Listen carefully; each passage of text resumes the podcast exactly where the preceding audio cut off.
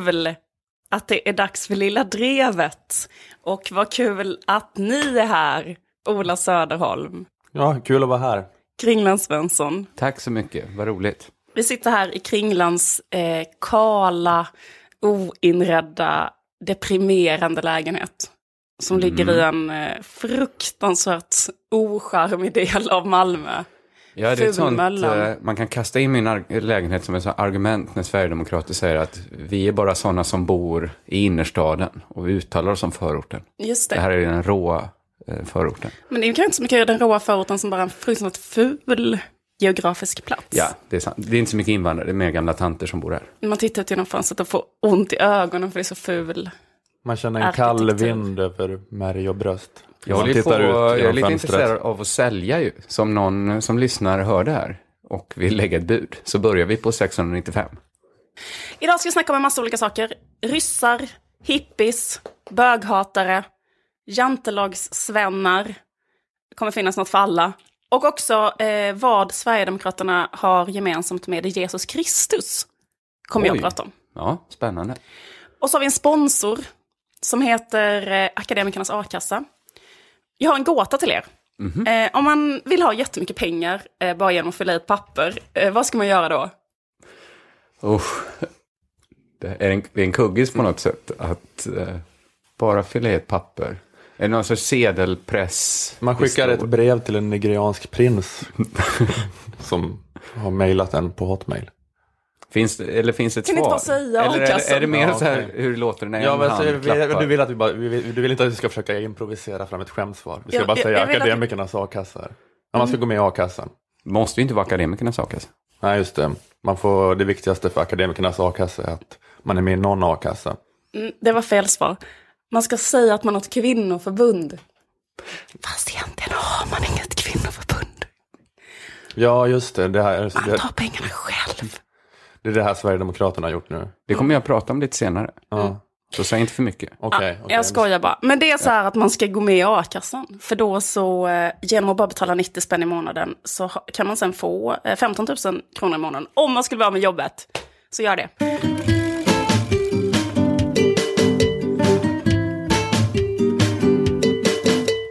Ja, det är OS i Sochi snart.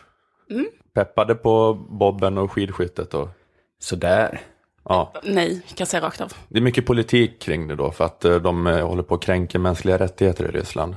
De har så dålig inställning till homosexuella framför allt, det är många upprörda över. Så det är så mycket snack om hur ska man protestera, ska man bojkotta och sådär. USA har ju löst det på sitt sätt, har ni hört om det? Nej. Varken Obama, varken Barack eller Michelle eller någon politiker åker dit. De har bara skapat en delegation med tre ex-idrottsstjärnor som är öppet homosexuella, som de bara skickar dit. Just är det, sant? Vilken stark, vilken oväntat stark markering. Väldigt elegant löst. Ja, ja. Det är så här tillfälle man känner att USA är så mycket bättre än Sverige. Ja, men det känns som något som kanske så här, Brasilien eller något lite mer outland hade. Plus att Sverige skulle kunna göra det för vi har så många bra. Vi har Kajsa Bergqvist, alltså vi, är verkligen, vi har ju, eller hur, på hög nivå. Anton Hysén, Kajsa och Pia Sundhage. Eller hur? Eller Anton Hysén är typ division 4-spelare. Men, Okej, men men, han, men han, är, han är en profil på en hög nivå. Ja, Men jag tycker att det är en väldigt eh, liksom elegant lösning. Det känns som att svenska politiker hade kunnat tänka i hundra år och inte kommit på det här. Mm. Lena Adelsohn Liljeroth har ju försökt lite, hon också nu. Hon uh, bojkottar invigningen, Jaha. kom hon på efter det här med att USA lanserade sitt grepp. Som kommer inte aktivt gå dit och applådera. Nej, Hon är där på OS liksom och stöttar idrottarna. Eh, och, eh, men hon är inte med på invigningen för att det är då ett propagandajippo. Men det blev, blev lite lamt då för då fick hon direkt kritik för att eh, varför var du på Kina OS-invigningen?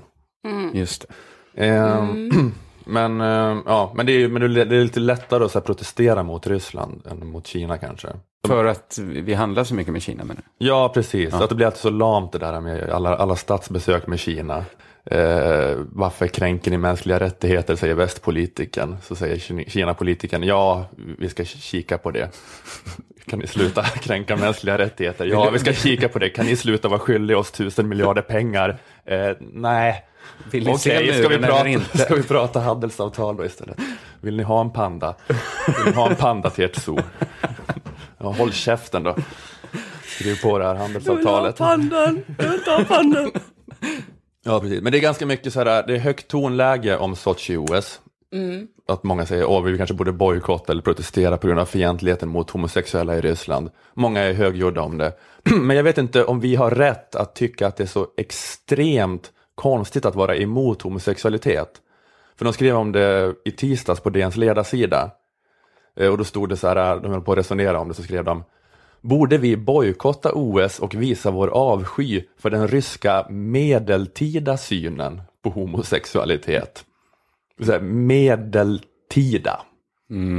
Det är länge sedan det var medeltiden. Ja, är det det vi tror nu? Att man måste gå tillbaka till medeltiden för att hitta den inställningen till homosexualitet i Sverige? Alltså jag tänker, Det är det det, vi tror nu. det, det är mer så här, borde vi inte visa vår avsky för den ryska, svenska 50-60-talsinställningen till homosexualitet? Alltså det slutade vara en sjukdom, klassas som en sjukdom typ 79 här. För att just alltså, attityden till homosexualitet har ju förändrats jättesnabbt och jättenyss också i västvärlden. Men nu har vi liksom bara bestämt i våra huvuden att det, det har alltid varit så här. Vi har alltid varit extremt toleranta mot homosexuella. Inte på medeltiden då. Nej. Det var Nej, tufft på medeltiden. Då var det tufft att vara gay i Sverige också. Oj, oj, oj. Men sen kom ju Gustav Vasa. och, och legaliserade homoäktenskapet. Ni minns det va? År 1520. Ni har lärt er det i skolan. Gustav Vasa avskaffade tvångssteriliseringskravet för människor som genomgått en könskorrigeringsoperation. Och sedan dess har det i princip varit ett hbtq-paradis i Sverige. Källa DNs ledarsida.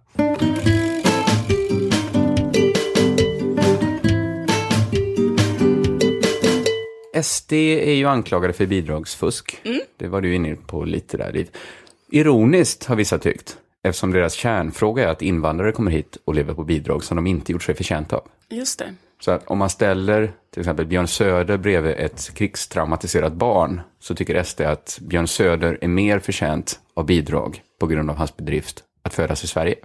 En riktig sverigedemokrat skriver överst på sitt CV föddes i Sverige, följt av jobbade på ett lager, tog nätdroger, blev uppsatt på någon lista och invald i ett kommunfullmäktige.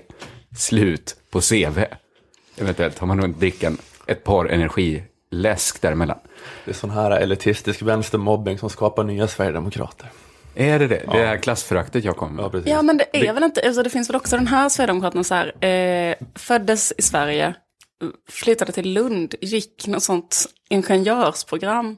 Det är fyra sverigedemokrater som har det, är Ja. de som bestämmer. Ja, men liksom, är sen de. sitter i ledningen, eh, köpte en kostym. Se, se till så att ingen förutom vi fyra uttalar sig, alla andra måste hålla käften. Och sen nummer fyra är så här, blir, eh, gör något fucked up och flyttar till Ungern och lever min dröm. Men det finns också kanske åtta invandrare i Sverigedemokraterna. Också. Han är Daniel Assay. Som jätte, vad heter det, som jobbar på. Eh, massa bedrifter som också är med där. Det, det kan man också ha haft som si- sitt CV. Kom hit, jobbade skiten ur mig. Eh, nu går mina barn på ett engelsktalande gymnasium. Eh, men annars, var, jag, jag var den kristna minoriteten i ett övervägande muslimskt land. Flydde för det var jobbigt. Nu kommer muslimerna hit, vad i helvete. slut på CV. Ja. Eh, men de har den typen av CV. Eh, vad bra, då blev det inte ett sånt här klassförakt som jag, som jag började tassa in Utan på. vi gav mycket mer multitud. Precis. Ja, i alla fall. Nu har Aftonbladet då avslöjat att SD fick eh, 1,4 miljoner i bidrag för sitt kvinnoförbund 2010. Problemet är att kvinnoförbundet inte fanns då. Nej. För att efter valrörelsen 2010 så var liksom ekonomin i botten. Vad skulle man göra? Eh, man var tvungen att ljuga. Och ska man ljuga, ska man ljuga ordentligt. Så man drog till med det osannolika att Sverigedemokraterna skulle starta ett kvinnoförbund. Tänk er själva, kvinnor i SD. Något så galet kan man ju inte hitta på, så det måste vara sant. Eh, tänkte man, och SD fick sina pengar. Och sju månader senare eh, så hölls det första mötet. Det var en lycklig historia. Okej. Det blev ett kvinnoförbund av det. Man gjorde lögnen till sanning. Ja, den, vissa sanningar är ju så bra så att, eh, vissa faktum är så bra så att sanningen söker sig dit kanske. Eh, men det är ändå någon sorts eh, brott som har begåtts. Och jag tänkte så här, att politiker missköter sig, det är inte typiskt för SD. Även om Sverigedemokraterna kanske har en lite mer osvensk inställning till byråkratiska processer. De är lite mer italienska i sitt sätt. De har det här sydländska temperamentet. Men fuskare och svin finns ju i alla partier, eh, så det är inte så konstigt att politikerföraktet är så utbrett. Nej, men för just det här, i det här fallet tycker jag att det känns som att, eh, att deras, deras försvar här är ju att nu blir de ju, det här är bara ett led i deras arbete för att bli ett etablerat parti som alla andra. För det här är med att blåsa upp sina medlemsantal, det är ju en klassisk gammal folksport bland alla partier. Men är det inte mer man gör i så här ungdomspartierna? Ja, men SSU framförallt är ju Kjell-Olof Fält var med i SSU när han var 70 upptäckte han. Jag har en kompis som försökte gå ur SSU liksom i flera år. Alltså det gick inte, man betalar aldrig medlemsavgift, han skickar liksom brev till dem, ta bort mig från era jävla listor, jag hatar er. Det är helt omöjligt att gå ur SSU. Ja, men jag tycker ändå det är liksom en lite annan sak, för jag tycker ändå det känns liksom o, mer osannolikt att så här, ett gäng killar inom Socialdemokraterna skulle hitta på att det fanns ett kvinnoförbund för att få en miljon, och så fanns inget kvinnoförbund. Det tycker jag är lite för... Mm. Ja, okej, okay. det, är ett större brott. Lite, det är ändå okay. liksom än att ja. SSU håller på med något skit. De medlemsfuskar på ett lite plumpare sätt i Sverigedemokraterna. Ja, det är lite barnsjukdomar kvar i partiet kanske. De, de har ingen som är så gammal som Kjell-Olof Fält ännu. Ingen sverigedemokrat har hunnit bli så gammal, för partiet är så nytt. Men jag tänkte komma in på att det kanske är, för vi, man föraktar väl politiker lite? Alltså att mm. det, kanske, det är inte så konstigt om man gör det eftersom de verkar så bete sig så illa. För, men man tänker så här, det är något skumt, det borde inte vara något skumt, men det är ju något skumt med att vilja bli politiker. Det är bra att det finns politiker, men det är lite skumt. Varför vill man det? Mm. Det finns någon liksom liten så här gnagande misstanke. Man, man är inte stolt för man har en misstanke. Det är lite som man hör någon som ska bli så här manlig gynekolog. Det är jättebra att det finns. Men vad är det du... Nej, jag ska inte tänka så i alla fall så tycker jag så här, politiker är väldigt svåra att älska i alla fall, mm. även om man inte föraktar dem. Mm. Eh, jag gillar inte att rösta alls, eftersom man alltid röstar på den som är minst dålig. Och innan har jag sett det som ett problem att det finns så få älskvärda politiker. Men så såg jag en dokumentär i veckan på Doc Lounge i Malmö. Mm. Den hette The, The Source Family och handlar om en hippiesekt på 70-talet. Eh, och det var liksom svinmysigt. Alla gick runt i så vita särkar, knullade, spelade musik, rökte holk och allt kretsade kring en jätte, jätte älskvärd gubbe. Som, alltså han var super, super älskad. Eh, och så spår allt ur då och gubben skulle ha alla vita särkar, allt knulla, spela alla instrument själv och röka all holk. Och så hade han till slut så 14 fruar, vissa minderåriga. Men så var han så himla älskad då, så, så, så folk protesterade inte. De liksom accepterade det här eftersom kärleken till honom var så stor. Och då var det så tydligt att den här kombinationen makt och kärlek är så himla, himla dålig. Ja. Så jag tänker mm. att här, varje bidragsbluff, varje så här, Jan Emanuel sosse som går runt i hermelinkappa och plundrar privata behandlingshem på pengar, gör liksom demokratin en tjänst. De spär på politikerföraktet som gör det nästan omöjligt att älska en politiker. Men det, men det är en bra insikt faktiskt att, att uh, den käre ledaren, det har aldrig varit en bra sak. Det är ingen bra. Att man, att, att någon är ledare, att man eh, älskar den. garant för uh, demokrati på något sätt. Att det är precis som att man liksom... Ja men visst, alltså Mikael Damberg gör, eller Damberg säger man kanske. Ja. Mikael Damberg gör lika mycket för demokratin i Sverige som Nelson Mandela gjorde för Sydafrika, bara genom att välja en så tråkig stil att han inte går att älska. Men det är så, var älskar folk sin ledare? I Nordkorea. Ja Eh, när Filippa Reinfeldt instagrammar som en 13-åring så gör hon det i demokratins tjänst. Vi ska förakta henne. Det är det som håller oss från att bli Nordkorea. Ring upp Sigvard Marjasin och be han komma tillbaks. Inget är förlåtet.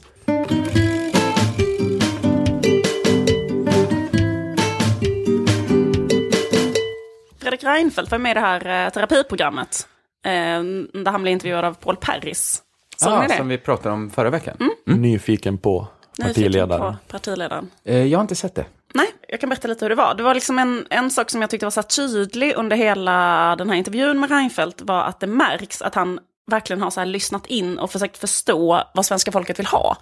Mm. Han är väldigt bra på det. Alltså han lyssnade ju till exempel in och förstod att svenska folket ville ha ett arbetarparti. Efter att eh, de har, liksom röst, de har ju röstat på ett arbetarparti i 80 år typ. Och då liksom döpte han om Moderaterna till ett arbetarparti. Ett exempel ja, på att ja. vara bra på att vibba in på svenska folket. Han har tentaklerna ute. Mm, det är härligt. Precis. och även under den här intervjun så, så kändes det också verkligen som att han så här pricksäkert hade lyssnat in och förstått vad svenska folket gillar. Men det är som hans vanligaste retoriska figurer eller vad man säger. Mm, jag har lyssnat, jag har förstått vad folk vill ha. Exakt. Jag har åkt runt och lyssnat. Ni sos, betongsossar sitter bara här och eh, är liksom maktfullkomliga. Jag lyssnar. Exakt. Men en, för att en, en annan grej som svenska folket gillar, förutom arbetarpartier, det är ju att de gillar en helt vanlig kille. Svenska folket är tokiga i en helt vanlig kille. En kille som inte tror att han är något särskilt och inte tror att han är bättre än vanligt folk. En vanlig kille sån eller kille. en rejäl tant. Kanske. Ja, men hellre också en vanlig kille tror Ja, det är jag. lite ovanligt, men det finns vissa rejäla tanter. Han skulle Marit, kunna Marit köra Paulsson Maud Olofsson. Ja. Pia Sundhage. Krutgumma-spåret hade han kunnat välja. Ja, men han valde vanlig kille. Synd att det inte var krutgubbe. Han hade ju en kort karriär som krutgumma. Det var ju då han blev... Här kommer lilla Märta. Nej, det var Reinfeldt. Busiga glasögonbågar. Han står med brödkaven beredd. nej, nej. Ska ni skicka en tant som jag till Bryssel? Sa han.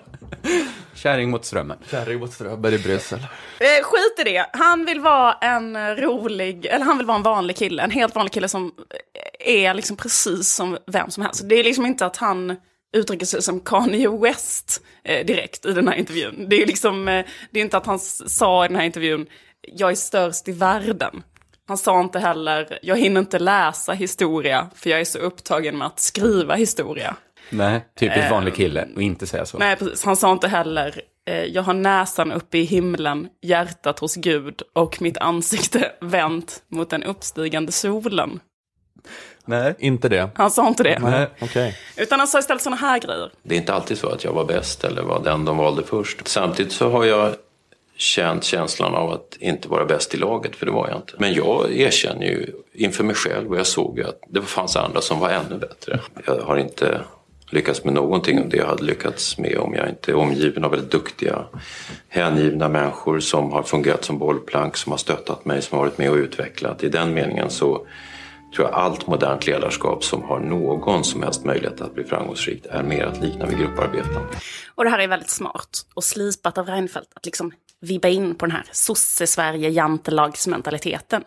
Eh, att inte hålla på att förhäva sig själv och tycka att det ska vara något särskilt med honom och så. För det gillar ju inte folk. Även om han säkert känner så, tror jag. Eh, mitt ansikte är vänt mot den uppstigande solen. Eh, så Han, säger han, han, det. ju om basketlaget när han var liten. Ja, just det. Men han säger också så här att, att eh, det är liksom inte hans eh, förtjänst att det gått så bra för Moderaterna, utan det är ett grupparbete och så vidare. Ända tills en punkt i den här intervjun där hela det här fantastiska PR-bygget plötsligt bara brast. Där Reinfeldt inte längre liksom kunde hålla fast vid sin strategi att vara den här vanliga, ödmjuka killen som inte tror att han är något speciellt. Och det var när de började prata om att Fredrik Reinfeldt på gymnasiet spelade sketcher i en skolkabaré. Känner ni till att eh, Fredrik Reinfeldt under en period spelade sketcher i en skolkabaré? Nej. Jag har hört det. Mm. Att, han var, att han, var, han var inne på, han gillar att showa, typ ha så här käpp och hatt och vitt smink i ansiktet. Exakt. Vad glad jag blir. Visste inte du det? För Nej, det inte var nej. lite allmängods. Man brukar ofta prata om Fredrik Reinfeldt att han hade en period på gymnasiet där han hade en sån eh, Men va- man tänker sig att han ser liksom ut som en sån här Batman-skurk om han har vit smink och hatt. Och, att han Men, skulle se jag lite körde- rolig ut. Vad är det för det? Eller vitt smink, eller kanske fel, eller så här kabaré, att man är så här, äh, man har den, den typen av shownummer. Att han har en fracköverdel och nätstrumpbyxor. Den typen av... Ja. Vi kan gissa hur länge som helst Ja, hur han såg ut när han showade på Ja. högstadiet. Paul Perris, psykoterapeuten, säger då angående detta, det låter lite torrt. Det låter lite torrt. Nej, det var kul för de som såg det. Hörde ni? Det var kul för de som såg det, säger han i skarp kontrast till det här att det skulle vara torrt. Vad var nu den här eh, pålagda ödmjukheten? Alltså jag tänker att han istället för att säga då som han har sagt om allting annat han tagit upp så här, nej det var inte så att jag var den bästa i den kabarén, det var ju ett grupparbete, jag var bara en bland många, var ju många, det var ju tjejerna som gjorde sminket och det var, var det ena med det tredje och det var liksom inte att jag var så jättebra. Men, Men- ja, det är klart att jag, sådär va. Utan då var det så här, då driver han istället tesen, liksom just på det här området så väljer han att driva tesen att han är jätterolig. Medelmåttig för det mesta, utom när det gäller just sin eh, grej som humorist. Var det den här lillgamla allvarsamma som gjorde Nej, det var väl snarare, tycker jag, eh, den, den eh, vad ska vi säga, snarare komiker som finns i mig men som är hårt eh, liksom, ansad och eh, undangömd. Ja, det finns en komiker i honom. Det är inte så att han Ja. säger så, det finns inte någon speciell komiker i mig, utan det finns en komiker i honom som är rolig. Han är rolig. Det, håller, det liksom vill han inte hålla på och vara falskt ödmjuk inför.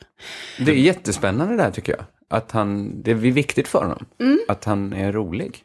Och det man undrar i och för sig är ju då liksom att om han nu är jätterolig, liksom, eh, om han är jätte, jätterolig, varför är han då inte någonsin jätterolig? Därför att människor förväntar sig att jag ska vara allvarsam och ta ansvar för de beslut jag fattar. Och eh, det rimmar inte alltid med komedi och med eh, humor, tyvärr. Men Han han, håller tillbaks hela, hela tiden. Han anför här skälet att han aldrig någonsin säger något roligt, att det är för att hans roll kräver. Han är rolig, men hans roll kräver att han inte är rolig. Men då tänker jag att det, det stämmer inte riktigt, för det finns väl många politiker i toppen som ändå är säger ett skämt då och då, och är lite roliga. Göran Hägglund är ju känd för det, exempelvis. Lars Ohly. I amerikansk politik så är det ju en jättestor grej att presidenterna kör långa sådana. Liksom, det finns väl inget som gör så här, åh nej, Obama är så otrovärdig efter att han gjorde det här. Eh, Men det är kanske därför han tror att han är så rolig, för att han aldrig har provat heller. Han är lite som någon sån här som tänker att den ska börja med stand-up men aldrig gör det. Alltså, man han har aldrig mött den krassa verkligheten. Han har Känt tystnaden, han, han har bara fantiserat I om hur de, rolig I han de är. källarna på Söder där du står, Ola. Nej, precis. Där, där har han aldrig uppträtt. Han har inte fått lära sig ödmjukt den hårda vägen Nej. i- på olika Harrys restauranger i, i Sverige. Och uppträder för sju alkisar. Jag tänker också så att kan vi liksom inte, kan det inte vara så, kan vi inte i alla fall bara leka med tanken att anledningen till att Fredrik Reinfeldt inte är jätterolig i olika intervjuer och olika sammanhang, det kanske är för att han inte är jätterolig. Alltså han kanske bara är lite så här halvrolig. Men det upplever jag i den här intervjun är en tanke som Fredrik Reinfeldt inte ens vill närma sig. Utan här knäcks liksom hans slipade PR-strategi av att vara en vanlig kille. Och plötsligt så går det inte.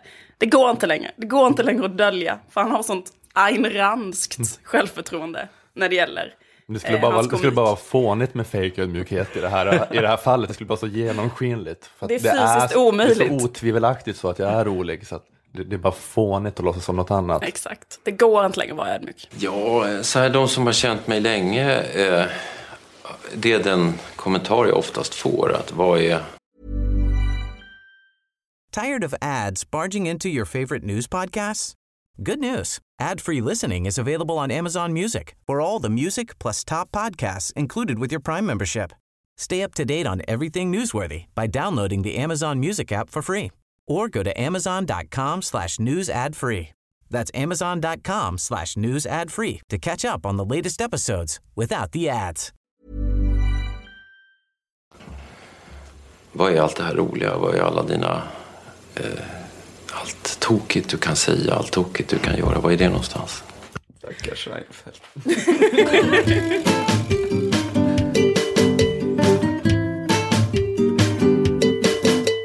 Jag pratade förra veckan om eh, vinster i välfärden.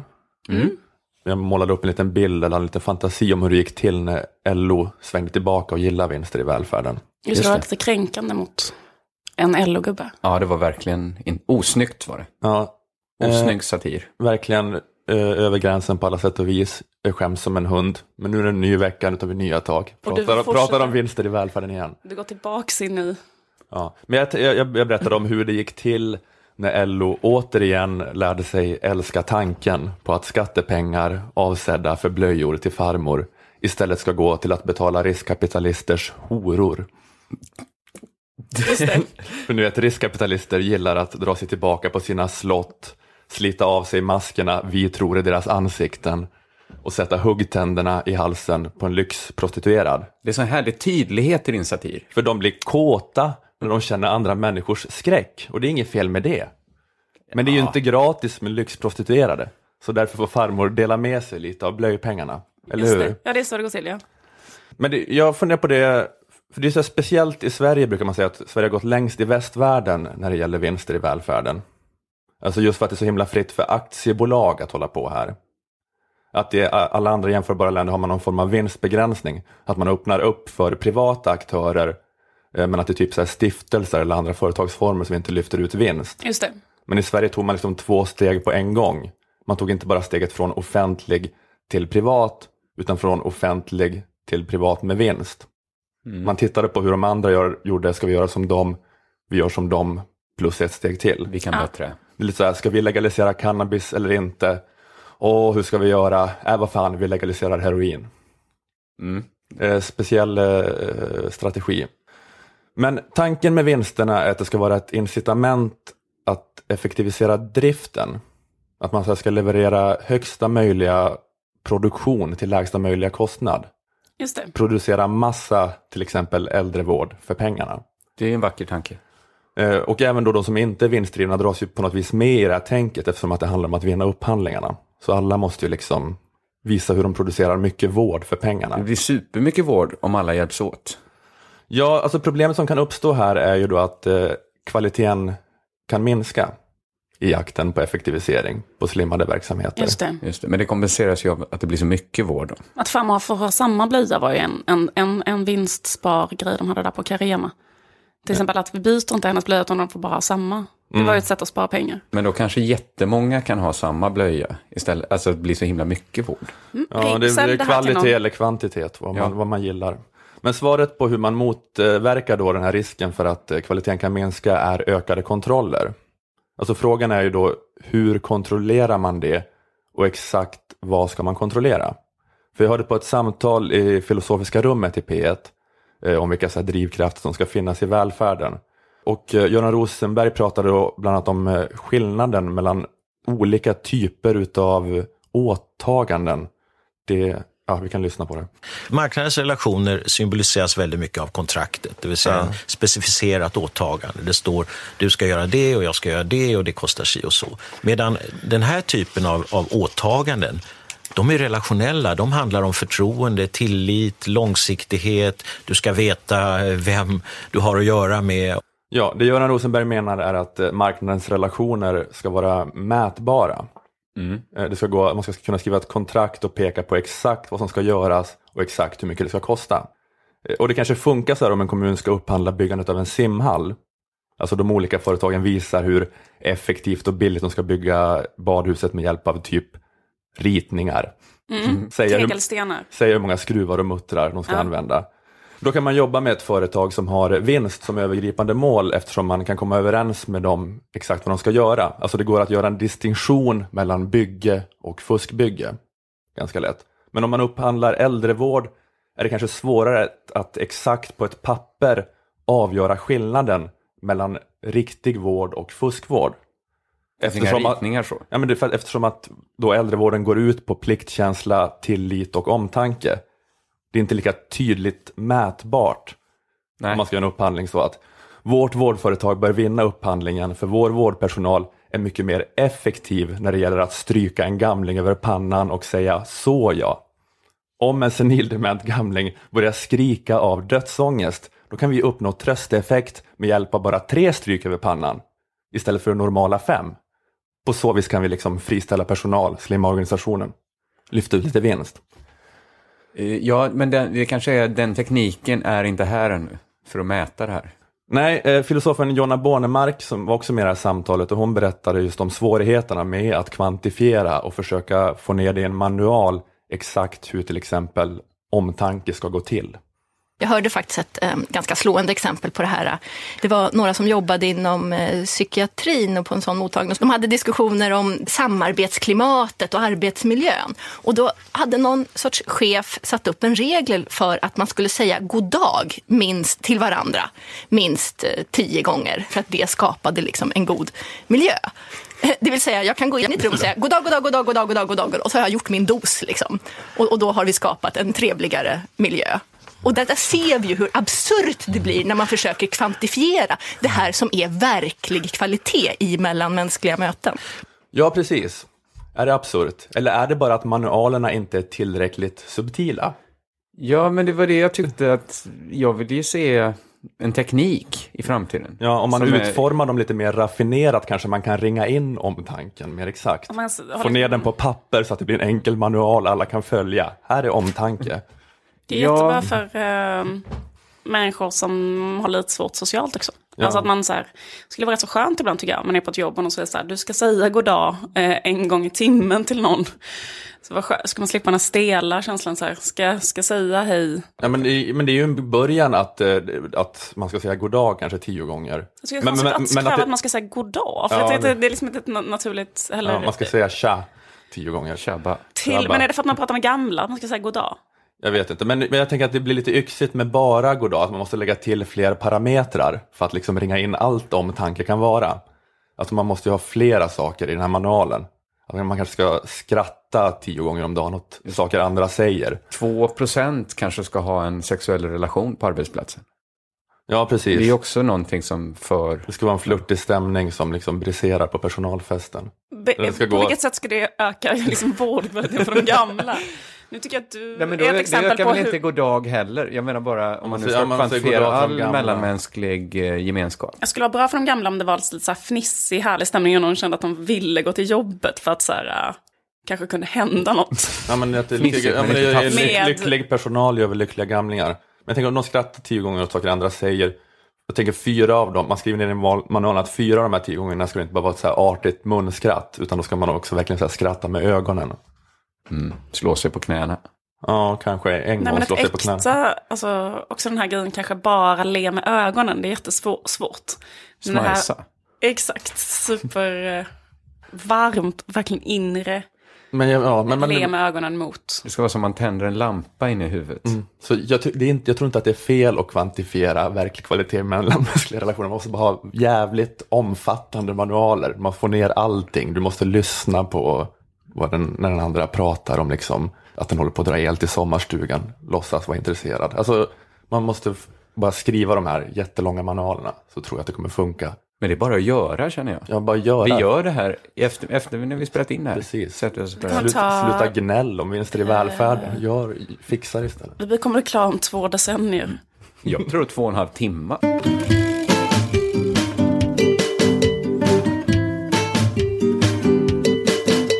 Läste en text av eh, Malcolm Kyejune på rummet.se. Där han gör en väldigt intressant analys av vänstern och Sverigedemokraterna. Mm, jag läste den också. Eh, Alltså det går ju asbra för Sverigedemokraterna. Ja, Har ni märkt det? Ja. Ja. Vissa säger att de nu är tredje största parti, enligt vissa mätningar. SDU är det näst största ungdomspartiet.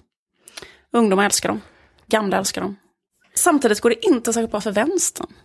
Har ni märkt det? ja, Alltså i alla fall vänsterpolitiska idéer. Kan gå rätt så bra för sossarna, men inte så bra för vänsterpolitiska idéer kanske. Nej, men det, ja, men det går hyfsat i opinionen för sossarna och Vänsterpartiet, tror jag. Ja, men jag tänker ändå att så här, vänsterpolitik och sossarna är inte riktigt samma sak. Det går bra för sossarna, kanske inte så bra för vänsterpolitiska idéer. Ja, ja, det får stå för dig. Eh, varför är det så här? Jo, säger eh, den här texten. Det, det är för att eh, SD erbjuder en sak som vänstern inte längre erbjuder. Nämligen mänsklig gemenskap. Intressant. Kärlek, med andra ord. Alltså självklart bara för de som är så kallade svenskar. Men ändå, liksom att inom gruppen svenskar så är SD ändå liksom väldigt, väldigt inkluderande. De pratar inte om klasskillnader till exempel. Det finns liksom inga arbetslösa eller direktörer, det finns inga fattiga och rika, inga kapitalister eller proletärer. Det är bara svenskar i en ändå liksom väldigt öppen, kärleksfull och möjlig gemenskap. Dit alla är välkomna, om du är svensk såklart. Men det är ändå ett lågt krav, du behöver bara vara född. det finns ju svinmånga Inom- svenskar i Sverige. Ja men visst gör det det. Och du behöver bara vara född här, det är, sen är det klart liksom. Än så länge ska jag lägga till. bara inom SD erbjuds den här utopiska bilden av att mänsklig gemenskap är möjlig. Sen är det naturligtvis, alltså det är väl naturligtvis inte så egentligen liksom. Det är säkert en vidrig hierarki inom eh, SD där Richard Jomshof utövar en härskarteknik mot Toralf Alfsson. eh, inte bjuder honom på sin 30-årsfest. Vad vet- vet jag? det- det vet vi det inget vet om. vi inget om. Men jag tror inte att det är liksom att utopin. Men bilden för dem, det är vad som förmedlas till väljarna. Det är så det känns för de här människorna. De känner sig älskade av SD. eh, Kanske älskade för första gången i sina liv. Vad vet jag? Det vet Bara egenskap om. av att vara, eh, att ha en etnicitet, vilket är lätt. Det finns liksom, Jag har en Men att det, det, etnicitet. det är låg ribba för kärleken. Ja. Ja. Att, det, att det, inom andra politiska rörelser är det så här hög ribba för att bli älskad. Exakt. Malcolm Kujuno menar i den här texten att, eh, att det här liknar vad eh, aposteln Paulus gav uttryck för. När han sa så här. Nu är ingen längre jude eller grek, slav eller fri, man eller kvinna. Alla är ni ett i Jesus Kristus. Fast SD skulle kanske inte säga exakt så. De skulle kanske mer säga så här. Nu är ni fortfarande jude eller grek. Men ni är i alla fall inte slav eller fri. Inte man eller kvinna. Jo, ni är också man eller kvinna. För det finns viktiga små biologiska skillnader som eh, det blir farligt om man försöker utradera. Eh, men ändå är ni ett i Sverigedemokraterna.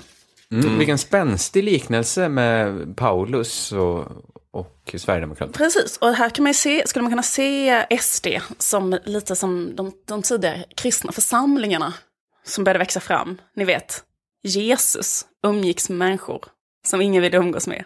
Horor, slavar, spetälska. De halta, de lytta. Samariterna var det tydligen inte heller någon som ville ha att göra med, av någon anledning. Och det blev en succé, kristendomen. I likhet med vad Sverigedemokraterna håller på att bli. Precis. Det får man ändå säga. På samma sätt så inkluderas det kärleksfullt idag människor som vi ser som spetälska. En konstig utförsäkrad tant från Landskrona som brukar säga negerboll.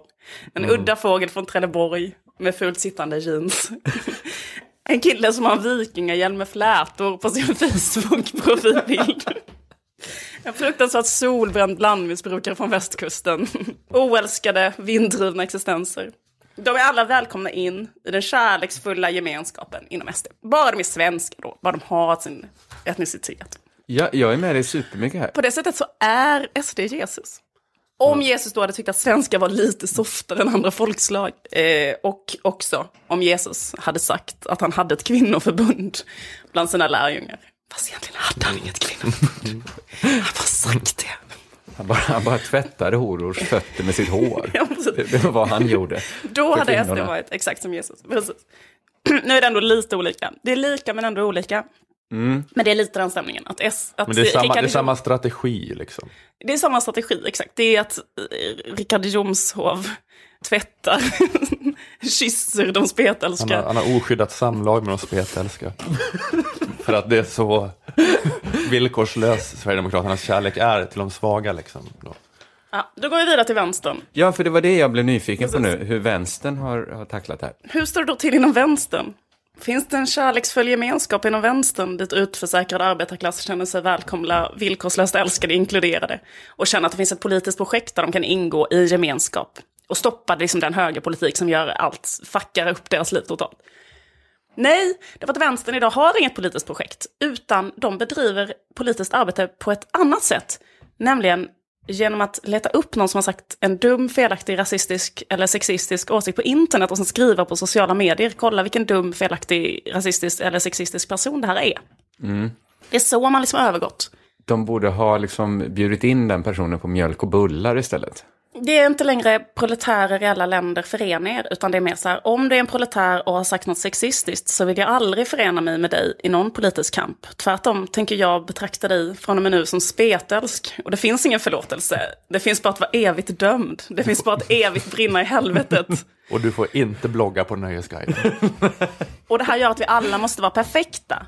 Vilket ingen är. Vilket gör att den politiska rörelsen inte kan växa. I alla fall inte så mycket. I alla fall inte så mycket som den kanske skulle kunna göra om det skulle vara med den här stämningen. Kom igen, nu ska, skapar vi en bred liksom, vänsterpolitisk rörelse. Nu, liksom, arbetarklassen, kom hit, här har ni något att hämta. Nu kör vi. Den stämningen är det ju inte. Men det är som att eh, det, fin- de, de, eh, det blir ingen politisk rörelse. Alltså även de som säger att de är en del av en vänsterpolitisk rörelse är kanske bra debattörer. Alltså de är bra vänsterledarskribenter på sätt och vis. Att här, så här ska man tycka, men att det kanske inte är rörelsens roll hela tiden att vara så Nej, precis. eh, Att alltid ha rätt. Att alltid ha rätt. Nej, precis. Och, det, och, det, och det att, den inte, att detta gör att rörelsen inte kan växa, det gör ingenting heller eh, för de här människorna. För om man är en sån här sociala medier-vänstermoralist, som kanske jag också är, liksom, men då är man inte heller intresserad av att en politisk rörelse ska växa. Utan det man är mest intresserad av, det är att eh, ha rätt och liksom konstruera en egen identitet av att man själv är rättrådig och moraliskt överlägsen andra.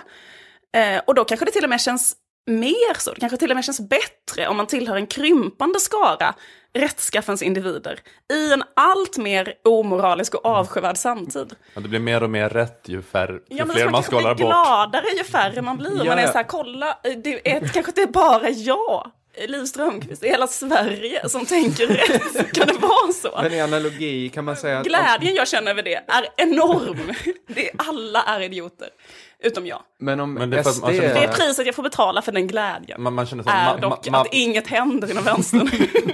Vi kommer fan aldrig att liksom kunna stoppa vinst i välfärden. Ja, men det är så att man känner sån matthet just inför det, alltså att det inte finns någon chans mot det glo- globala finanskapitalet eller klimatförstörelsen eller någonting, så att då kan man lika gärna gå upp i den här glädjen över att bara ha rätt. Det här, man går till, vi går till botten där vi står, men flaggan går i topp.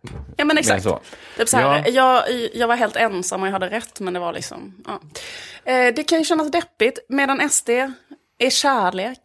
Eh, bara kärlek och gemenskap. Men om de Vänstern är bara eh, hån, förakt. en ensam människa som har rätt och är moraliskt överlägsen alla andra. Vil- Vilket svineri det är. de Ja. det. För att om SD liknar liksom de, gam, de första kristna, De som ser en spetälsk och bara liksom det ska hem. grovhånglar upp. Så var ju de kristna. Vänstern kanske mer är en så här nykristna rörelse då, som vill få in eh, skapelseberättelsen i skolorna. Alltså man skiter i att man är en liten weird sekt. Man är rätt övertygad om att man har, man har rätt. Absolut. Det spelar väl ingen roll för en sekt heller att man har fem medlemmar. Det är bara bättre, liksom. vi är de enda fem på hela planeten som har rätt. Och det känns så bra, det känns så bra, det känns så bra. När som helst kommer rymdskeppet och hämtar oss. Men det är också något svårt, för att jag tycker det är också på något vis bra att någon säger vad som de tycker är rätt. Men det är ju så här att man måste kunna säga, det här är rätt, typ, du ska inte säga liksom den här tanten i Landskrona, du ska liksom inte Alltså jag du, tror... du, du, ska inte, du ska inte säga negerboll, men, du, men, men trots att du har sagt det så ska vi inte brännmärka dig för all framtid. Älskar Nej, det. man, vad man ska, ska säga. men, man ska säga så här till tanten i Landskrona.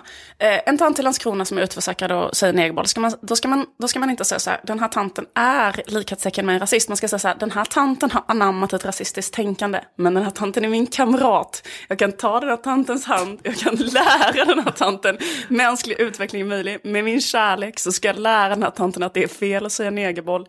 Tillsammans ska vi istället upplösa nationsgränserna, stoppa klimathotet.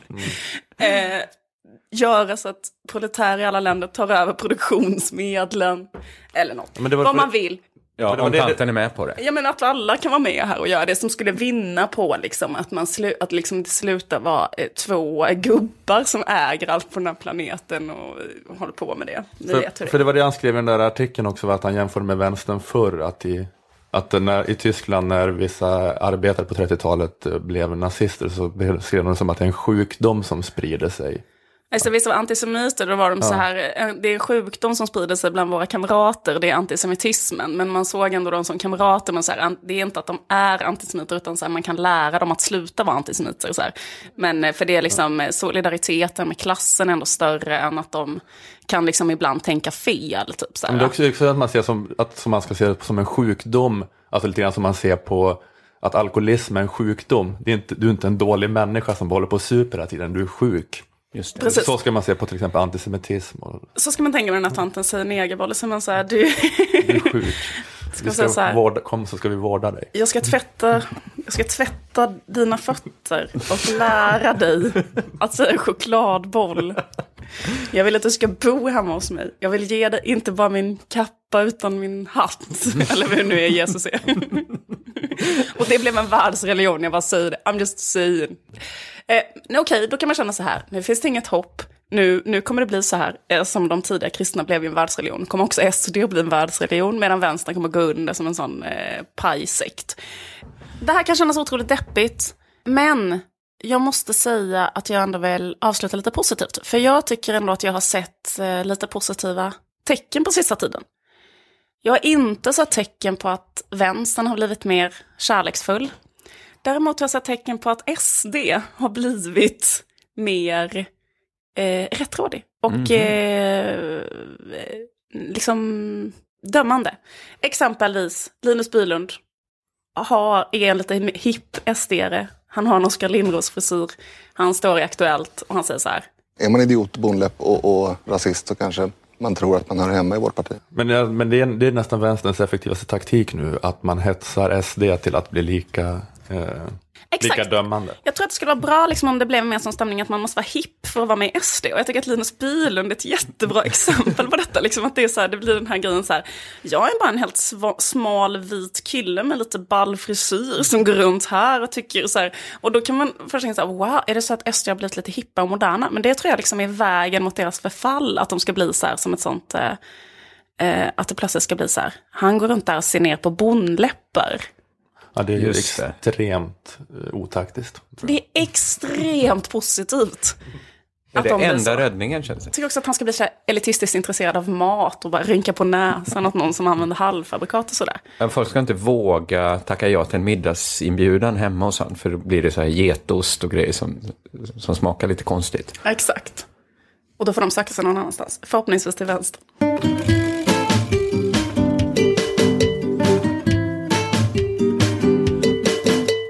Det är en så himla intressant eh, tanke, allt det där.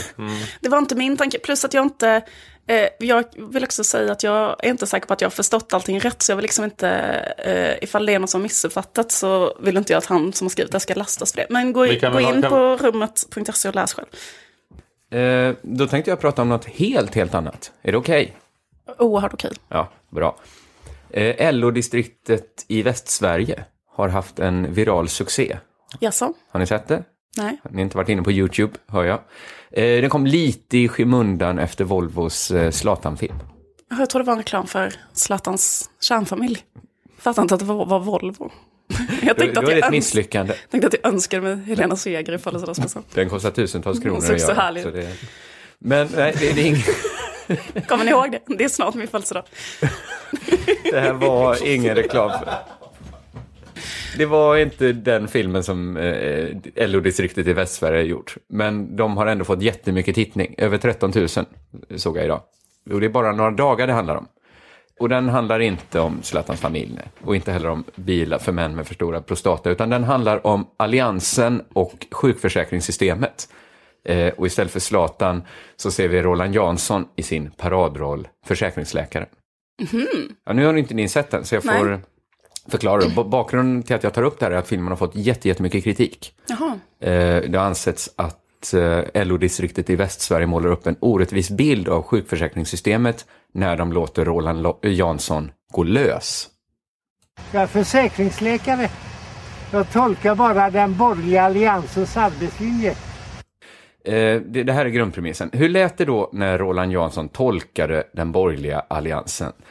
Vi kan lyssna lite på en scen här i filmen som är inspelad på en kyrkogård. Född 1970. Det är 2009. 39 år. Men ni ska väl inte ligga här och skräpa? Var nu lite flexibel. Iväg till Arbetsförmedlingen och starta eget. Försäkringsläkaren skäller ut en död person för att eh, hen inte jobbar och folk har ju gått i taket. Här trodde man att man skulle få vila i frid när livet tagit slut. Men LO-distriktet eh, i Västsverige kan berätta att allianspolitiken följer med även i livet efter detta. Det är klart att folk blir förbannade. Eh, vi kan lyssna på ett klipp till. Ingen slipper undan den borgerliga alliansens arbetslinje. Vare sig levande eller döda. Mm, hur kan man säga en sån sak? Det där kändes som att, eh, att överförklara skämtet lite grann. Du klagar på att eh, satiren är, det, är en tydlighet. Precis som du jobbar Men med alltså- tydlighet i din satir, så Ja. jobbar ju Roland Jansson Ja, jag också med. kasta sten i glashuset. Men alltså var det så att han stod vid en gravsten? Eller vad Han stod? står på en kyrkogård vid en gravsten, läser inskriptionen. Ja, Då tycker, jag, då, då tycker jag att här, bildspråket redan förklarar att han talar till en död. Då behöver han inte säga det. Du kommer inte undan bara för att du är död. Jag tycker att det blir lite All den här humorcoachingen kan du ringa Roland Jansson och behöver inte du ha i vår podd.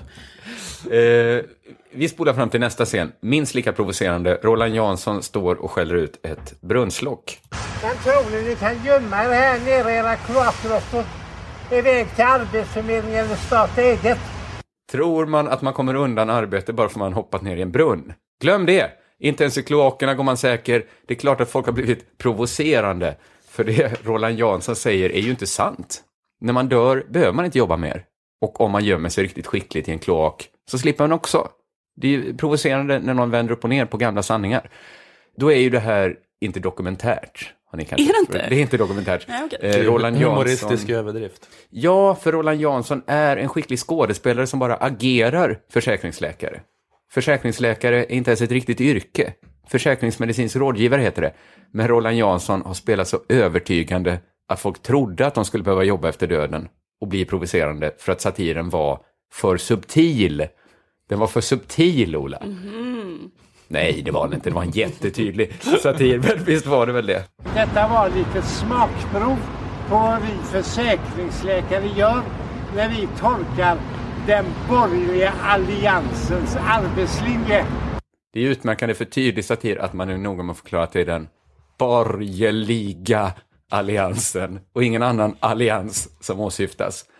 Men eh, folk har blivit upprörda för de tycker det är lite magstarkt då, att, av LO att gå runt på och kränka döda på, på gravplatser. Ja. Eh, de tycker att LO kunde varit ännu mer subtila i sin satir.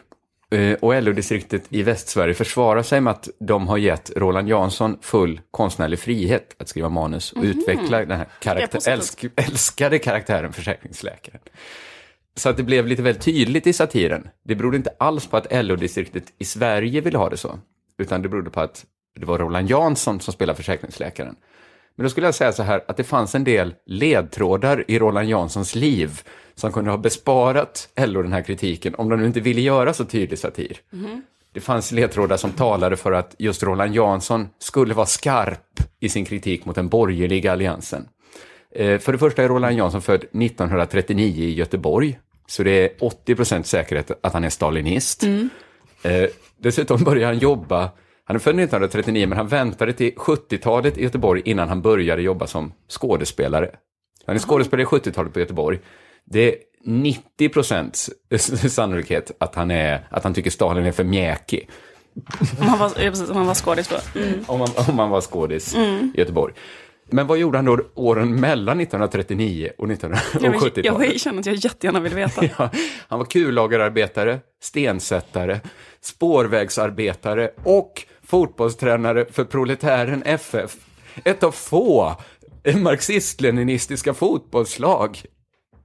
Då är chansen slash risken att man gör väldigt tydligt riktad satir mot den borgerliga alliansen. Borgerliga alliansen. Den är 8000 procent.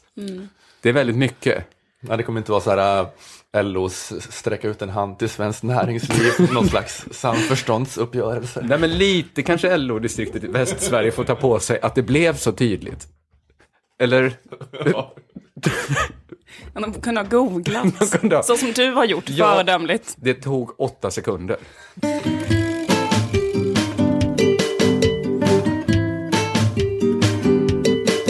Kan vi inte gö- göra reklam här i Lilla Drevet? För, för våra- Akademikernas a-kassa. Ja, det är Absolut, vår sponsor. Nej, är men- vår sponsor. Men, eh, jag tänker vi kan ju berätta om våra grejer här i Lilla Drevet. Andra, för vi jobbar ju inte på public service längre, har jag kommit på. Nej, Det är nej. ju fritt fram. Liv, du kanske vill säga något att du har, att den här pjäsen? Jag tycker det känns superpinsamt, jag vill inte göra det. Okej. Liv eh, har, vill inte säga något om en pjäs som hon är inblandad i. Men jag, jag kan i alla fall berätta att eh, jag, eh, att jag, om ni är i Malmö och Lund på onsdag och torsdag nu, 5 och 6 februari, så uppträder jag tillsammans med Jens Lekman. Jag och några andra ståuppkomiker tolkar Jens Lekmans låtar som stand-up. Oj, det Väldigt låter- konstigt. Ja, men vad spännande det låter. Och vilken eh, stor skillnad man märkte mellan er två. Var- I- I hur ni, Hur hur skamlösa ni säljiga vi är. är. Ja, precis. Ja, men eh, man kan gå in på, det, på oslipat.com om man vill ha info om det här. Om man befinner sig i Malmö, Lund nu på onsdag, torsdag kan man komma och kolla. Oslipat.com. Tack så hemskt mycket för att ni har lyssnat på Lilla Drevet. Eh, Det är ett samarbete med Aftonbladet Kultur som vi sa. Och eh, gå gärna in på Akademikernas a-kassas hemsida och gå med där ifall ni inte är med i någon a-kassa. Hej då, jag heter Liv Strömqvist. Han där heter Kringland Svensson. Jag heter Ola Söderholm. Puss och kram. Hashtag Lilla Drevet. Bra att du sa det.